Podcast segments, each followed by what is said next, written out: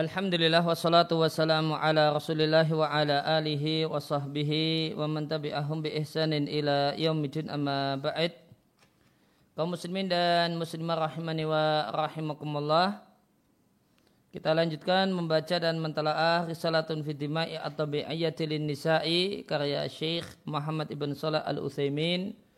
Rahimallahu rahmatan wasi'ah. Kita masuk pada fasal yang ketujuh yang terakhir tentang penggunaan uh, obat-obatan yang menghalangi haid atau mendatangkan haid yang mencegah kehamilan atau yang menggugurkan kehamilan. Pengguna, uh, uh, penggunaan obat-obatan yang mencegah haid itu boleh dengan dua syarat. Yang pertama, tidak dikhawatirkan timbul bahaya bagi wanita yang menggunakannya. Ya, bahasa bebasnya tidak ada efek sampingnya yang berbahaya. Maka jika dikhawatirkan efek samping yang berbahaya alaiha yang akan menimpa wanita yang menggunakannya mindalika karena obat tersebut Falaya juzu maka tidak boleh mengkonsumsinya menimbang firman Allah Ta'ala wala tulku bi'aidikum ila tahlukah. Janganlah kalian campakkan diri kalian kepada kebinasaan.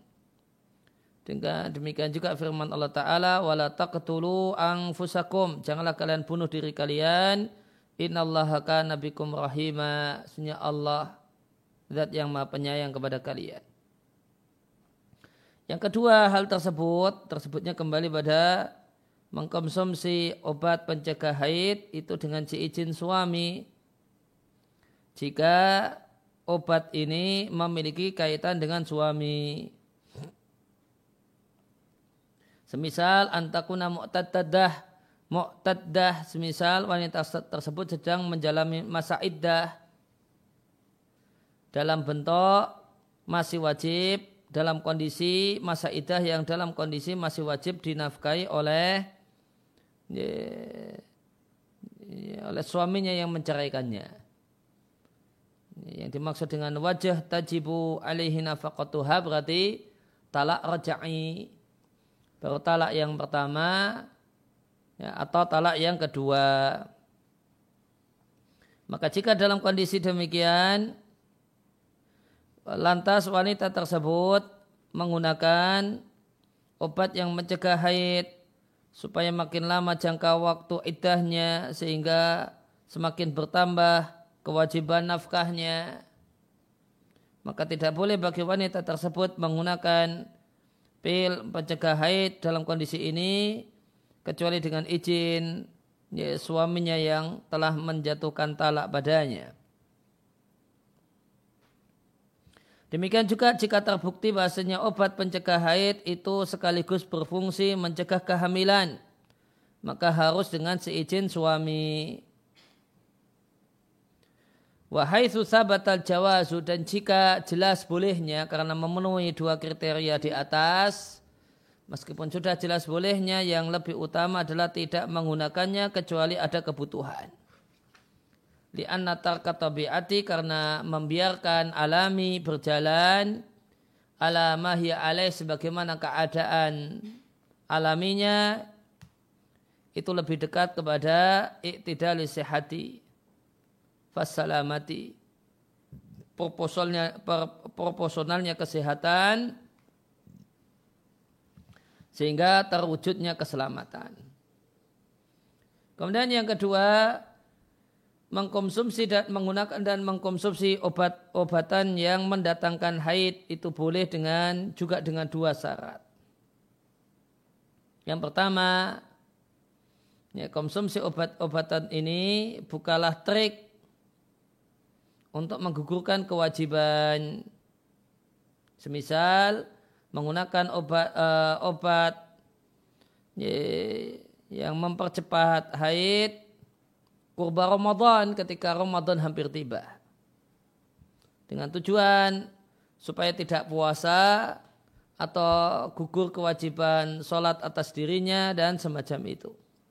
Yang kedua dengan izin suami karena terjadinya haid menghalangi suami untuk bisa ya, mendapatkan kenikmatan biologis dari istrinya secara sempurna.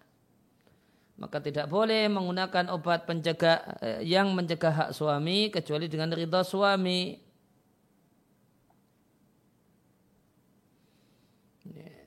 Dan jika dia kondisinya adalah wanita yang dijatuhi talak oleh suami, maka obat yang mempercepat haid itu memiliki dampak menyegerakan gugur dan hilangnya hak suami untuk merujuk. Jika suami masih punya hak merujuk karena talak tersebut talak yang pertama atau talak yang kedua. Maka jika dalam kondisi masa iddah karena talak pertama atau talak kedua, maka jika mau mengkonsumsi ya, obat yang menyegerakan haid, harus izin ya, suami yang menceraikannya. Karena mempercepat haid itu berarti mempercepat hilangnya hak merujuk. Kemudian yang ketiga adalah tentang istiqmal menggunakan dan mengkonsumsi obat pencegah hamil. Fa'ala nau'aini maka ada dua macam. Yang pertama mencegah kehamilan dengan pencegahan yang berkelanjutan yang tidak mungkin hamil lagi. Maka ini tidak boleh karena ini memutus uh, harapan kehamilan sehingga ini mempersedikit keturunan dan ini menyelisihi tujuan syariat dari pernikahan yaitu memperbanyak umat Islam. Ditambah lagi tidak ada jaminan aman, tidak matinya anak-anaknya yang ada. Sehingga semua anak mati, maka jadilah dia ya, janda tanpa memiliki anak. Ya, maka ini disebut dengan KB eh, tahdidun nasli. KB, maka KB itu ada dua macam. Yang pertama adalah tahdidun nasli, membatasi keturunan. Dua anak cukup, tidak mau tambah lagi. Ya, maka dua anak cukup, tidak mau tambah lagi, ya, KB model semacam ini tadi dikatakan oleh penulis ini menyelisihi maksud syari maksud dari pemilik syariat yang menganjurkan pernikahan itu untuk memperbanyak umat Muhammad Sallallahu Alaihi Wasallam. Kemudian jika seorang uh, jika pasangan suami istri ini mencukupkan diri dengan dua anak dan tidak mau memperbanyak anak, maka tadi ada perkataan yang menarik disampaikan oleh Syekh Nusaimin. Siapa yang menjamin dua anaknya ini masih hidup, terus hidup berumur panjang?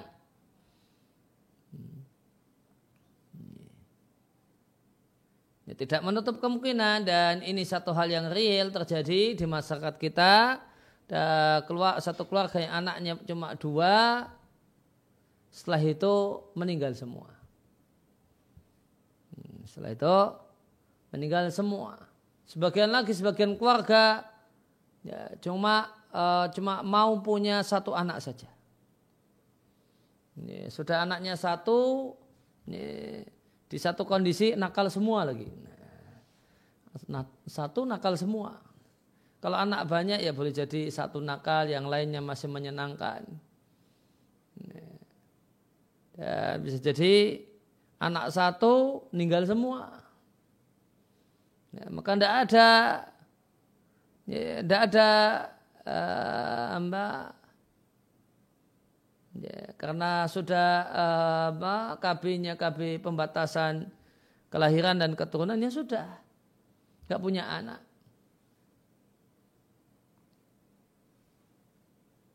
Ya, oleh karena itu maka KB jenis yang pertama ini beliau dikatakan oleh Syekh Nuzaimin fahadalah ya juzu tidak boleh.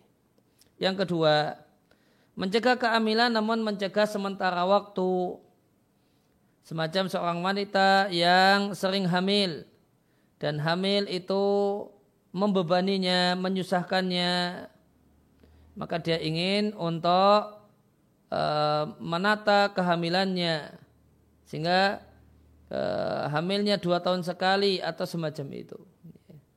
Misal tiga tahun sekali lah. tiga tahun sekali karena dua tahun berarti selesai uh, menyusui. Kemudian agak bernapas setahun baru hamil. Fahad jaizun maka ini boleh.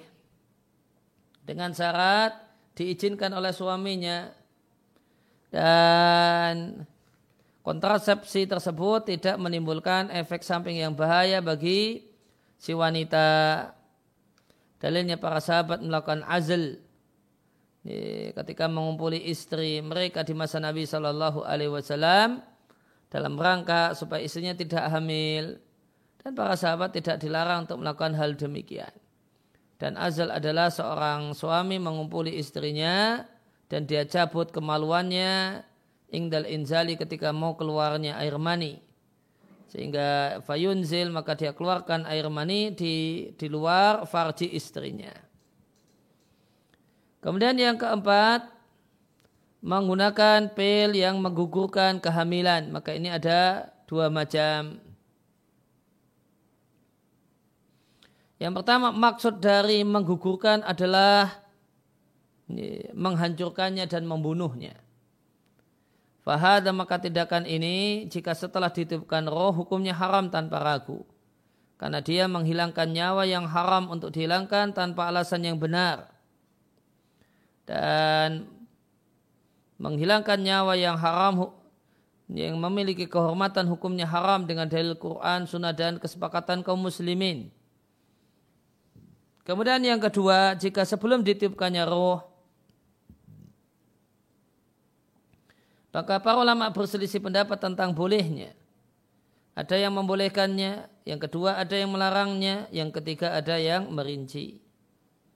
Boleh malam yakun alaka. Jika bentuknya masih alaka, artinya belum berlalu 40 hari. Pendapat yang keempat mengatakan ya justru boleh selama belum jelas padanya khalqul insanin fisik manusia dan khalqul insanin itu uh, setelah berumur 80 uh, 80 hari.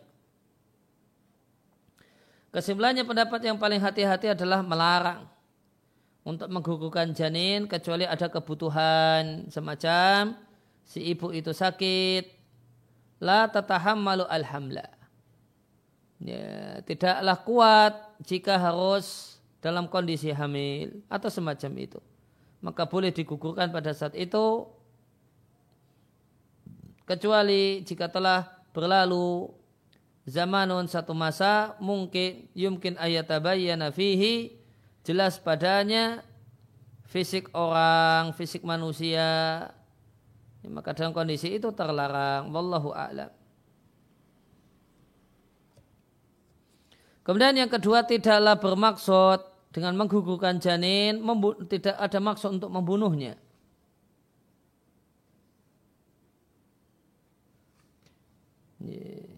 Bi antakuna eh, muhawalata isqatihi ya, yaitu upaya untuk e, menggugurkannya ketika intiha akhir masa kehamilan.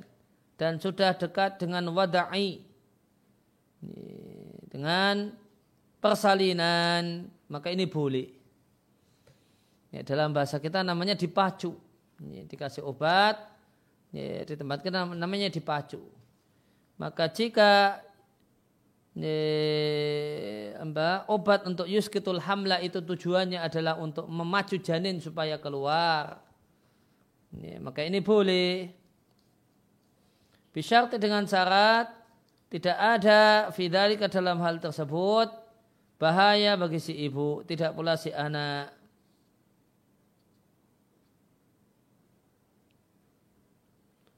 Wa alla yahtaja al-amru dan kondisinya ya, tidak membutuhkan amaliyah operasi sesar. Amaliyah mana asalnya operasi, tentu operasi yang dimaksudkan dalam konteks ini dalam bahasa kita namanya operasi sesar.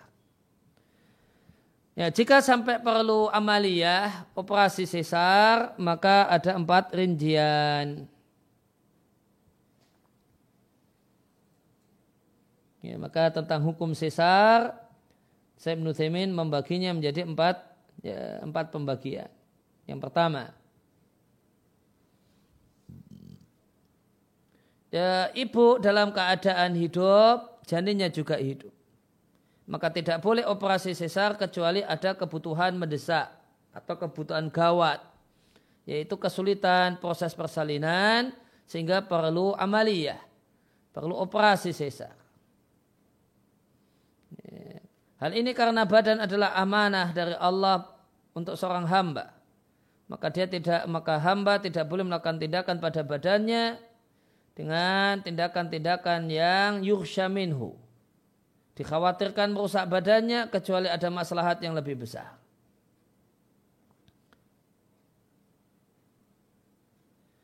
Wali anau dan karena boleh jadi si ibu ini menyangka tidak ada bahaya dengan operasi sesar, namun ternyata e, terwujud dan timbul bahaya.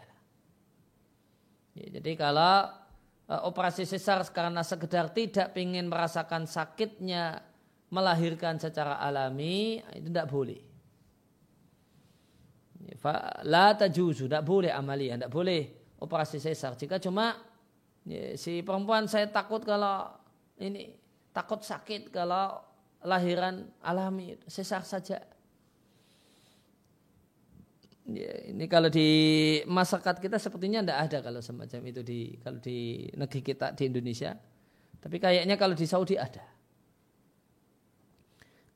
ada sejumlah perempuan yang minta untuk disesar cuma karena tidak mau sakit proses melahirkan secara normal dan alami. Nah ini tidak boleh. Kemudian yang kedua, ya ibunya sudah meninggal dunia, janinnya juga sudah dipastikan meninggal, maka tidak boleh ijra melakukan amaliyah, melakukan operasi sesar untuk mengeluarkan si janin karena tidak ada faedahnya. Yang ketiga, ibunya dalam kondisi hidup, janinnya meninggal. Maka tidak boleh melakukan amalia operasi sesar untuk mengeluarkan si janin kecuali dikhawatirkan bahaya pada si ibu. Liana zahir karena kemungkinan yang lebih mendekati wallahu a'lam bahasa janin jika meninggal dunia layak atau hampir-hampir tidaklah keluar tanpa perlu operasi, sudah keluar sendirinya. Hampir-hampir tidak keluar, oh hampir-hampir tidak keluar, bisa dipastikan tidak keluar tanpa operasi. Maka terus menerusnya janin ada di perut ibunya menghalangi si ibu untuk hamil di masa depan dan menyulitkan si ibu. Warbama dan boleh jadi wanita tersebut tetap statusnya ayyima.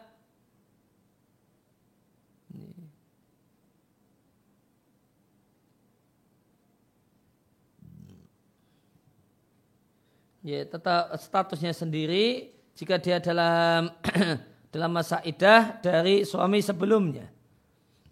Karena masa idah berakhir manakala melahirkan. Jika kondisinya demikian, hampir-hampir tidak bisa keluar kecuali dengan operasi sesar, maka berarti ini perlu operasi sesar.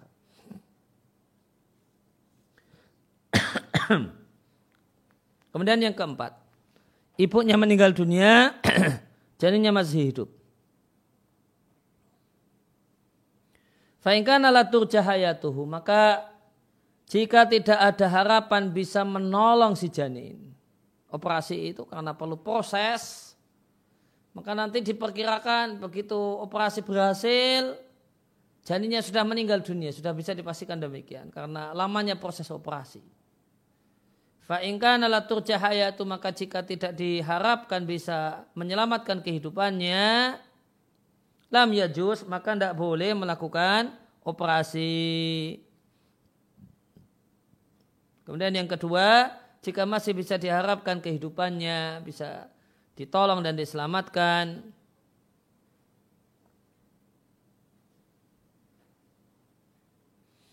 Fa'ingkana kot kharaja ba'du. Jika sebagian badan janin sudah keluar, maka perut ibunya dibelah untuk mengeluarkan bagian badan yang lainnya.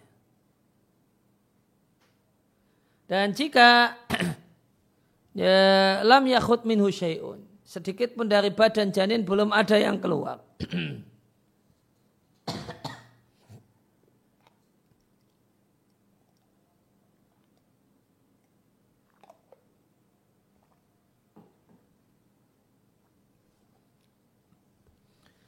Maka Fakat kala ashabuna maka ashabuna itu para ulama Hanabila rahimallahu taala menyampaikan tidak boleh membelah perut ibu untuk mengeluarkan janin karena itu adalah tindakan muslah, mutilasi. Sudah meninggal dunia, dibelah, ini mutilasi. Namun yang benar perut si ibu itu dibelah jika tidak memungkinkan mengeluarkan janin tanpa membelah perut ibu dan ini pendapat yang dipilih oleh Ibnu Hubairah. Di kitab Al-Insaf disampaikan bahwa aula dan inilah pendapat yang lebih utama. Kultu kata Ibnu Zaimin lebih-lebih lagi di zaman ini maka ya, diadakannya amalia diadakannya operasi di zaman ini operasi belah perut seorang ibu itu tidak tergolong mutilasi. Kenapa? Karena dibelah perut, kemudian setelah itu dijahit. Dan ya, maka kondisinya kondisi, maka, maka hasilnya nanti baik-baik saja.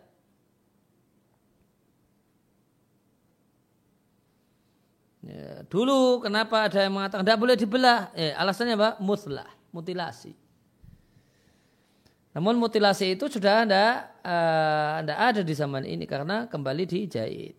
Yang kedua karena kehormatan yang hidup lebih besar daripada kehormatan yang sudah meninggal dunia. Yang hidup janinnya, yang sudah meninggal dunia ibunya. Yang ketiga karena menyelamatkan orang yang nyawanya dilindungi minal halakah dari kebinasaan atau kematian hukumnya wajib. Dan janin itu manusia yang terjaga nyawanya maka wajib diselamatkan. Wallahu a'lam.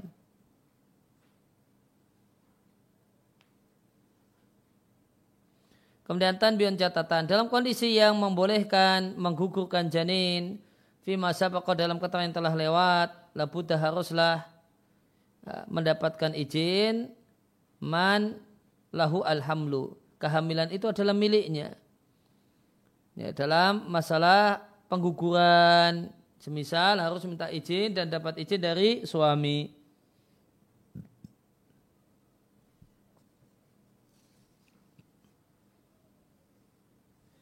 Nah, kemudian wa ilahuna dan sampai di sini intaha selesailah yang ingin kami tuliskan fi maudhu' dalam tema yang penting ini. Kami cukupkan Fih dalam tulisan ini pokok-pokok permasalahan dan kaedah-kaedahnya. Wa illa karena jika tidak dicukupkan maka furuknya, kasus cabangnya, wajus iyat, kasus-kasus spesifiknya yang terjadi pada wanita mindalika berkenaan dengan hal itu yaitu haid, nifas, itu bahrun la sahilalahu.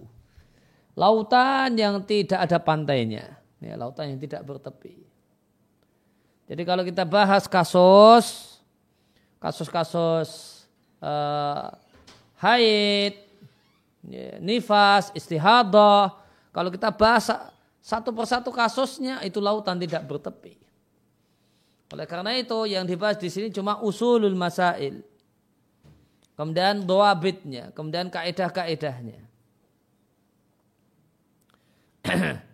Ya, karena sudah diberi kaidah, maka orang yang al-basir memiliki pandangan yang tajam, mampu mengembalikan kasus spesifik kepada ya, asasnya dan kepada mengembalikan juz'iyat ya, ya, kasus spesifik ya, sama dengan furu' ya, ada yang menerjemahkan apa? Partikular itu kasus-kasus partikular ya, kasus-kasus spesifik ila kuliyat kepada kaidah globalnya dan duabitnya dan kaidahnya dan berbagai hal bisa dikiaskan dengan hal-hal yang semisal. Dan tidaklah seorang mufti, semisal mufti dalam masalah haid, orang yang memberikan jawaban tentang masalah haid, adalah menyadari kalau dia adalah perantara antara Allah dengan makhluk dalam menyampaikan ajaran para rasul dan menyampaikan penjelasan penjelasan Allah kepada makhluk. Maka seorang mufti akan dimintai pertanggungjawaban eh, dan dia ditanya tentang apa yang diajarkan oleh Al-Quran dan Sunnah. Karena Al-Quran dan Sunnah adalah dua sumber hukum. Yang keduanya, seorang hamba dibebani untuk memahami dan mengamalkan keduanya. Dan semua yang menyelisih Al-Quran dan Sunnah itu salah. Wajib dikembalikan kepada orang yang mengatakannya dan tidak boleh diamalkannya. Meskipun boleh jadi ulama yang mengatakannya dimaklumi. Ya, Qad yakunu ma'dhuran dimaklumi karena dia beristihad. Lantas diberi pahala karena istihadnya.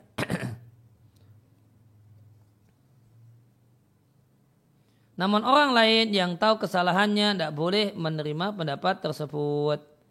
Dan seorang mufti wajib untuk mengikhlaskan niatnya karena Allah Ta'ala. Dan minta tolong kepada Allah dalam setiap kasus yang eh, menimpa dirinya dan dan memohon kepada Allah Ta'ala diberi keteguhan dan diberi bimbingan untuk bisa berpendapat dengan pendapat yang benar. dan wajib yang menjadi sasaran perhatiannya adalah isi Al-Quran dan Sunnah. Fayang itu maka dia melihat, ya, maka dia memperhatikan, wajibahas fidalika dan mengkaji hal itu. Demikian juga memperhatikan hal-hal yang bisa menjadi alat bantu untuk memahami Al-Quran dan Sunnah yaitu perkataan para ulama yang yusta'anu bihi yang bisa digunakan sebagai alat bantu ala fahmihima untuk memahami Al-Quran dan Sunnah.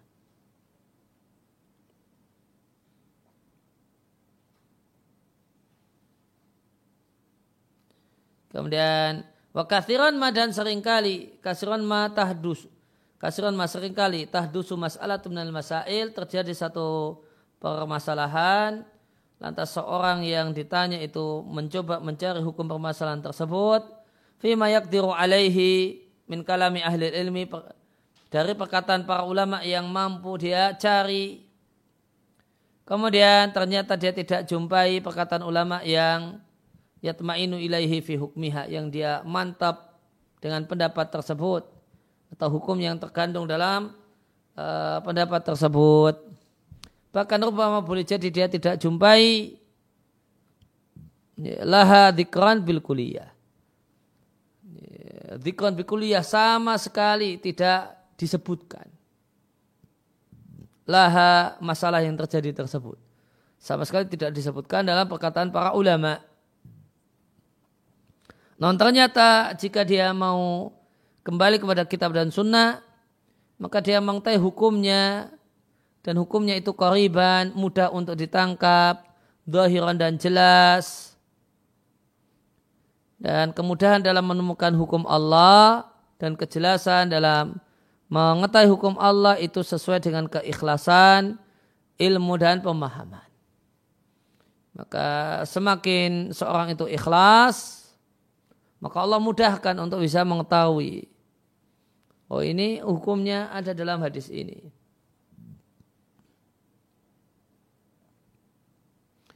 Kemudian wajib dan wajib bagi seorang mufti pemberi fatwa dan penjawab pertanyaan ayat royas untuk pelan-pelan tidak tergesa-gesa fil hukmi untuk menetapkan hukum ingdak diskal ketika ada hal yang membingungkan. Jangan tergesa-gesa. Fakamin hukmin ta'ajala fihi Betapa banyak hukum yang orangnya itu tergesa-gesa, kemudian jelas baginya ba'dan nazar al-qarib, setelah telaah yang sebentar saja, jelas bahasanya dia salah. Lantas dia menyesali hal tersebut. Warubama padahal boleh jadi dia tidak mampu meralat apa yang dia fatwakan. Padahal ternyata salah dan nyata-nyata salah.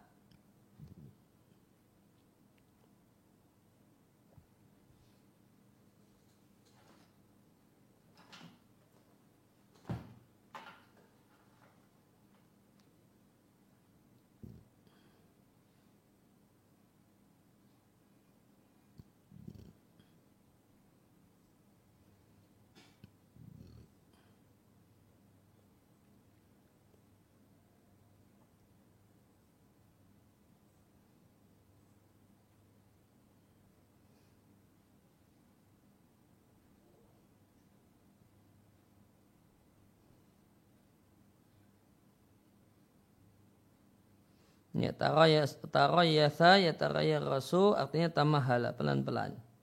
Ta'anni. Pelan-pelan. Wal mufti dan seorang mufti jika masyarakat telah mengetahuinya, mengetahui dan mengenali beliau adalah seorang yang pelan-pelan dalam tidak tergesa-gesa dalam memberikan hukum dan fonis, kata buat seorang yang uh, mau cek recek terlebih dahulu, mengecek uh, Eh, kalau dalam hal ini eh, mengecek kebenaran hukum ya, dengan melakukan telaah yang dalam maka akhirnya orang-orang pun yakin dengan pendapatnya dan mengakui pendapatnya. Namun jika masyarakat melihat seorang mufti itu orang yang tergesa-gesa dan orang yang tergesa-gesa itu sering salahnya maka masyarakat lantas tidak percaya dengan fatwa yang dia berikan maka gara-gara tergesa-gesa dalam memberikan jawaban, ya, wakhotai dan kesalahan dalam jawaban, maka dia telah cegah dirinya dan orang lain untuk mendapatkan ilmu dan kebenaran yang dia miliki. Nas'alullah ta'ala kami mohon pada Allah ta'ala agar Allah memberikan petunjuk kepada kami dan saudara-saudara kami kaum muslimin petunjuk menuju jalan yang lurus. Dan semoga Allah subhanahu wa ta'ala uh, ya tawalla Nabi Ainayati memberikan perhatiannya kepada kami menja uh, atau men, uh, perhatian kepada kita dan menjaga kita dari segala minazalal dari segala ketergelinciran dan kesalahan dengan perhatiannya. Sesungguhnya inau jawadun karim dia adalah zat yang maha dermawan dan maha pemurah. Wassallallahu wasallam ala nabiyina Muhammadin sanjungan Allah dan keselamatan untuk Nabi kita Muhammad keluarganya dan sahabatnya seluruhnya. Walhamdulillahi bin nikmati tatimus salihat. Segala puji milik Allah yang dengan hanya dengan nikmatnya maka terwujudlah segala kebaikan. Tamat selesailah buku ini dengan pena al-fakir ilallahi seorang yang sangat membutuhkan kasih sayang Allah Muhammad Ibn, Muhammad As-Salih Al-Uthaymin di waktu duha hari Jumat tanggal 14 Sya'ban tahun 1392 Hijriah.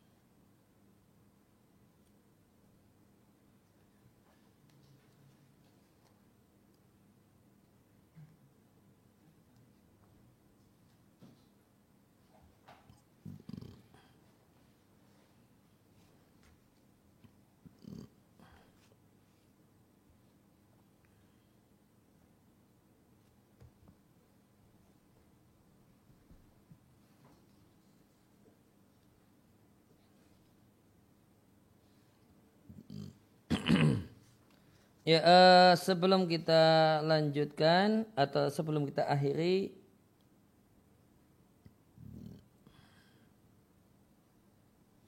kita lihat adakah uh, faedah yang bisa kita bagikan.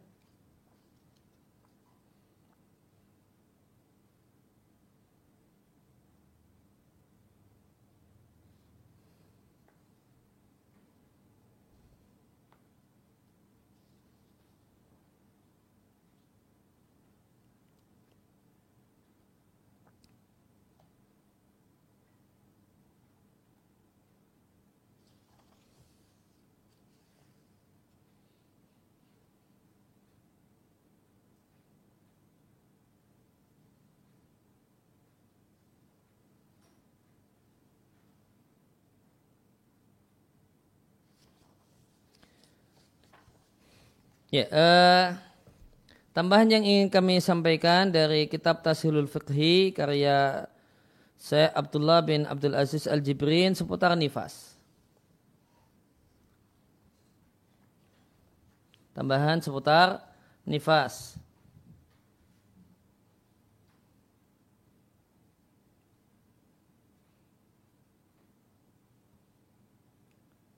Ya, nifas dalam bahasa Arab di beliau kutip perkataan Ibnu Faris, nifas itu artinya darah.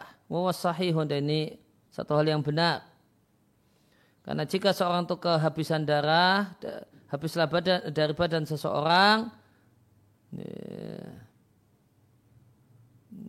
fakoda nafsahu, maka dia kehilangan nyawanya.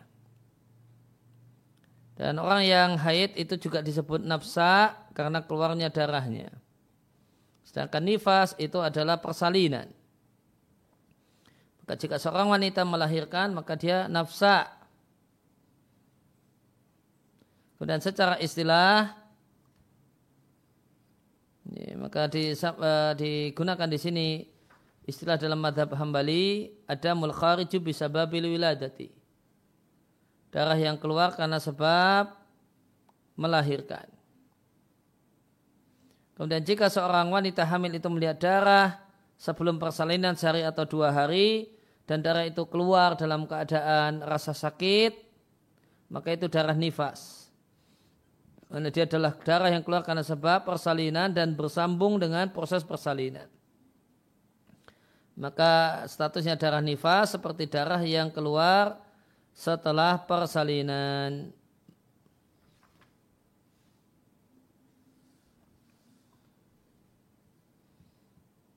Ya, tentang uh, maksimal nifas dan minimal nifas. Kalau kemarin di uh, risalah fi akam uh, fitima tabi'iyah itu kalau dari dibawakan penjelasan dari Ibnu Taimiyah kalau tidak ada minimalnya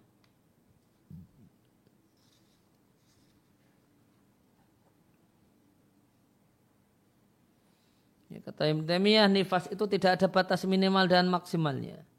Bisa saja nifas 40 hari, 60 atau 70 hari. Dan kalau terus menerus, nah itu baru darah rusak. Meskipun saya Ibn Taimin memberikan saran mengacu pada 40 hari. Ini kalau dari saya Ibn Taimin mengacunya pada 40 hari.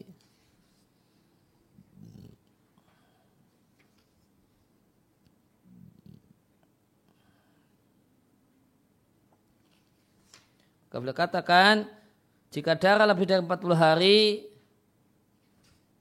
maka nalah ada dan dia punya kebiasaan dalam uh, persalinan sebelumnya Bahasanya setelah 40 hari nanti akan berhenti atau sudah ada tanda-tanda hampir berhenti maka ditunggu. Ya, maka ditunggu sampai berhenti. Itu manakala 40 hari sudah ada tanda-tanda mau berhenti. Nah, jika tidak ada tanda-tanda mau berhenti, makanya sudah dihentikan dengan mandi, dianggap berhenti dengan mandi setelah genap 40 hari. Gitu kalau saya Taimin. Kalau di sini di Tasilul Fiqhi ditegaskan bahasanya aksar nifasi arba'una yauman. Dipilih pendapat yang mengatakan bahasanya ya, maksimal nifas itu 40 hari. Sehingga Eh, wajib mandi setelah 40 hari. Kemudian dianggap suci setelah 40 hari. Dan jika darah itu masih saja keluar setelah 40 hari maka itu istihadah. Alasannya adalah dua asar dari sahabat. Yang pertama valid riwayat dari Ibnu Abbas. Ibnu Abbas mengatakan tangtadhiru nafsa'u atau nufasa'u arba'ina yauman au nahwaha wanita yang nifas itu menunggu dirinya selama 40 hari atau kurang lebih 40 hari.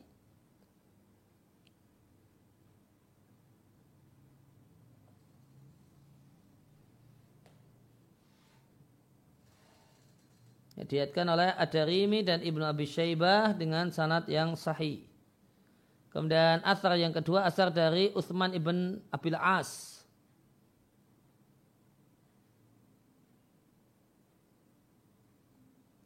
sahabat Tafalid dari Utsman ibn Abil As, beliau mengatakan pada istri-istrinya,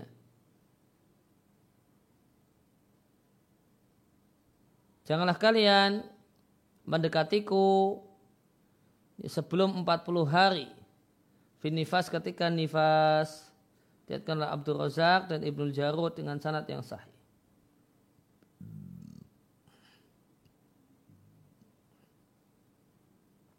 Ini ada dua asar. Maka kemudian dikomentar oleh penulis wahad tahdid dan penegasan yang pasti ini disepakati oleh dua sahabat. Walladhi misluhu dan eh, dan perkataan semacam ini umumnya tidaklah berasal dari pendapat yang sama sekali tidak bersandar pada dalil. Sehingga analisis ini menunjukkan bahasanya pendapat maksimal nifas itu 40 hari itu memiliki landasan. Dan perlu diketahui sebagian ulama mengutip adanya ijma' sahabat maksimal nifas 40 hari.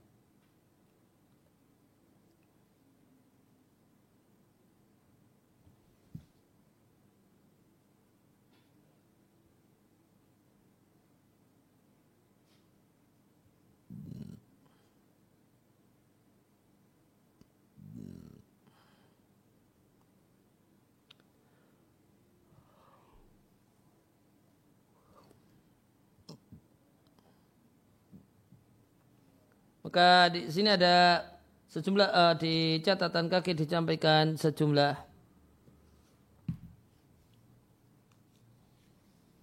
kutipan di Ibn Abdul Bar di Al-Istidkar penetapan waktu dalam masalah ini adalah pendapat yang lemah. Karena hal ini layasiu tidaklah sah ila bitauqifin kecuali berdasarkan dalil. Dan tidak terdapat dalam masalah maksimal nifas tidak terdapat padanya maudhi'un litibai wa taklid. Pendapat yang harus diikuti.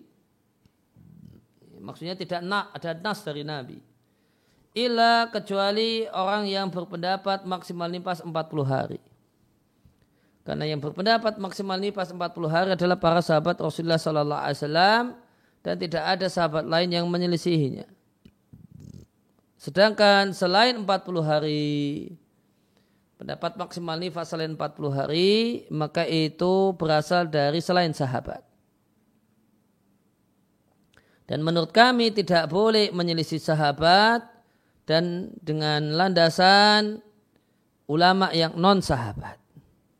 Karena kesepakatan sahabat adalah hujah atas orang-orang setelah mereka dan jiwa pun merasa nyaman dengannya. Maka dari manakah di manakah tempat berlari dari pendapat sahabat? Duna sunatin manakala kita tidak memiliki hadis dan tidak punya landasan. Eh, sekian nukilan dari Ibn Abdul Bar. Kemudian di Al-Murni terdapat nukilan dari Abu Ubaid Beliau mengatakan tentang pendapat e, maksimal nifas 40 hari adalah ala hada jama'atun nasi. Pendapat ini yang dipegangi oleh manusia.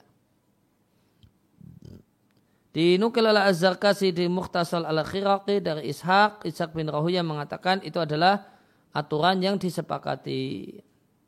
At Imam Tirmidzi mengatakan para ulama sepakat, para ulama ada kalangan sahabat Nabi dan para tabi'in dan setelah mereka Bahasanya wanita nifas meninggalkan salat selama 40 hari kecuali jika melihat suci sebelum 40 hari. Maka wajib mandi kemudian mengerjakan salat.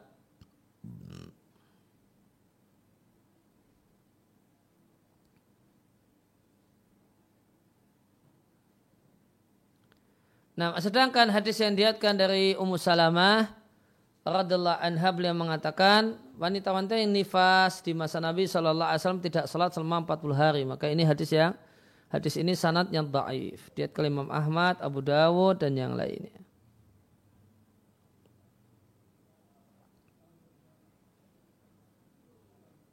Kemudian uh, penetapan maksimal eh, maksimal nifas 40 hari ini juga dibenarkan oleh uh, ilmu kedokteran modern. Kemudian tidak ada batas untuk minimal nifas dan ini satu hal yang disepakati. Cuma sekali keluar darah kemudian berhenti, ya sudah tidak mengapa.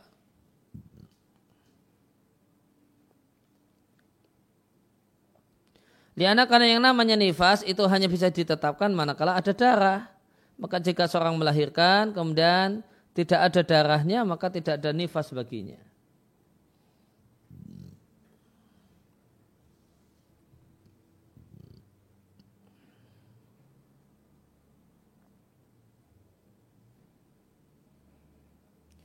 Nah, jika wanita nifas melihat suci dengan kosatul baida atau kering selama sehari, ya, selama 24 jam di tengah-tengah empat, e, proses 40 hari tadi menuju 40 hari, maka berarti dia telah suci. Dia baru dapat 20 hari atau 30 hari, kemudian dia darah berhenti selama e, 24 jam atau keluar kosatul baida, ya sudah maka dia suci. Berlaku padanya ketentuan wanita yang suci dari ya, ya, ketentuan wanita yang suci. Karena nifas tidak ada batas minimalnya. Maka jika dia telah melihat suci di masa menuju 40 hari tadi, maka dia suci dan bisa berbuat dan beraktivitas sebagaimana aktivitas wanita suci.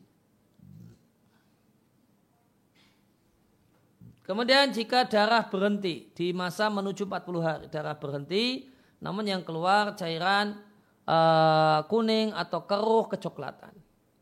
Maka uh, maka statusnya cairan keruh kecoklatan tersebut adalah nifas. Ini pendapat mayoritas para ulama. Alasannya karena ini adalah cairan kuning atau cairan keruh kecoklatan di masa nifas. Maka statusnya nifas. Seperti uh, cairan kuning dan kecoklatan di masa haid, statusnya haid.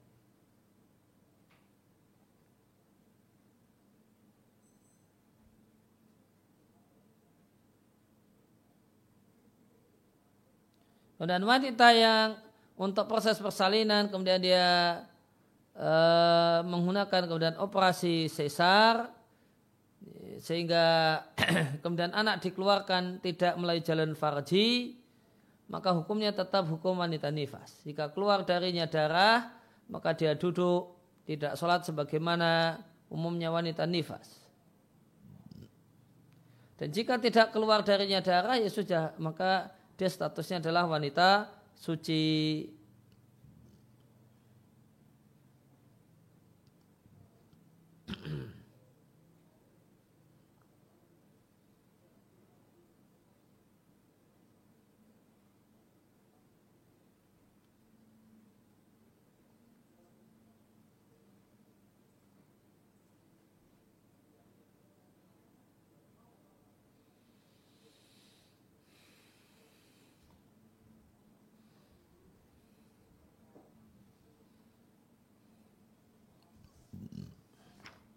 Ya, kemudian jika terjadi pada seorang wanita keluar uh, nazifu isqatin yaitu keluar keluarnya darah pada saat dia hamil disebabkan wafatnya janin. Atau masih adanya janin di dalam atau uh, sebagian janin badan janin ada di dalam rahim. Lantas Dilakukanlah operasi untuk membersihkan rahim. Kemudian tetap darah tetap keluar dari diri si wanita ini setelah janin dikeluarkan, janin yang ada di perut dikeluarkan. Maka status wanita ini jika janin yang dikeluarkan itu telah nampak padanya fisik calon manusia, maka dia wanita nifas. Namun jika tidaklah jelas padanya fisik uh, manusia maka tidak dianggap nifas. Dan semisal itu wanita yang mengalami keguguran karena darah yang keluar setelah uh, keguguran manakala yang keluar itu belum jelas padanya fisik manusia maka itu bukan darah nifas. Nah itu darah pembuluh yang terluka. Maka hukumnya sebagaimana wanita istihadah.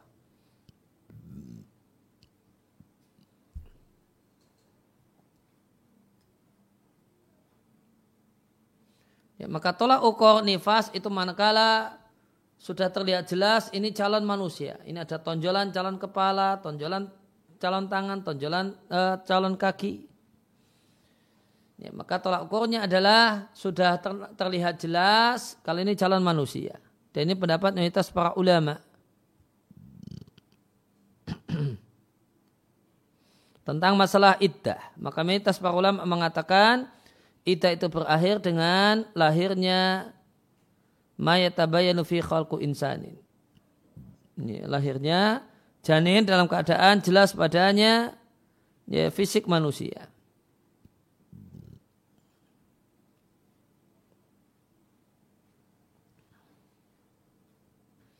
Kemudian jelasnya fisik manusia itu ya sulu itu terjadi pada saat yakin itu sudah terjadi calon fisik manusia itu yakin sudah uh, terwujud kalau di usia kehamilan 90 hari.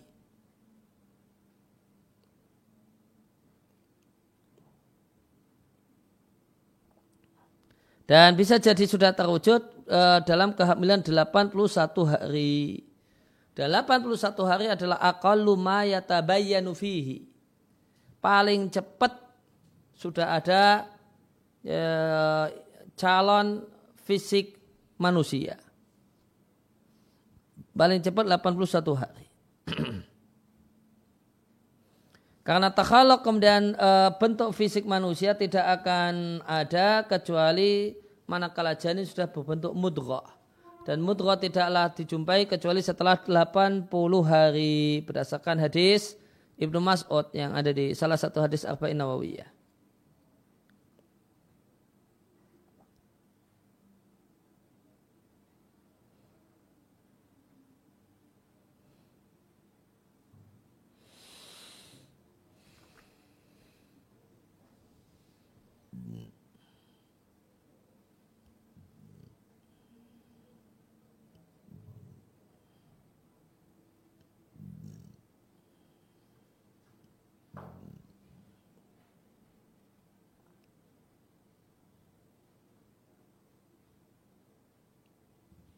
Nah, kemudian jika darah kembali keluar di jangka waktu 40 hari.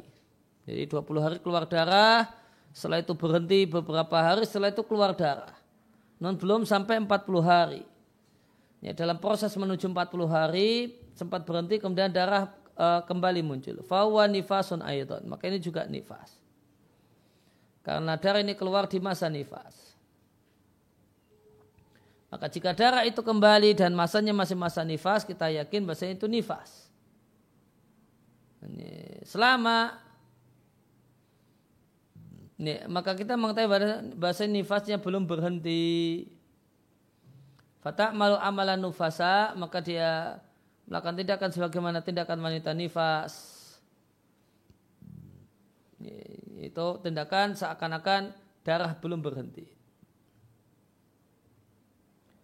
Nah, tadi ketika masa 40 hari, 20 hari keluar darah, setelah itu berhenti 3 hari atau 5 hari, setelah itu keluar darah lagi. Nah, ketika masa berhenti, atur asabiku, suci yang telah terdahulu, yang mendahului keluarnya darah adalah suci yang benar. Sehingga di masa suci tersebut dia sholat dan puasa dan bisa dikumpuli oleh suaminya tanpa makruh. Hal ini karena tanda suci sudah ada yaitu kosotul baida atau kering sempurna selama 24 jam.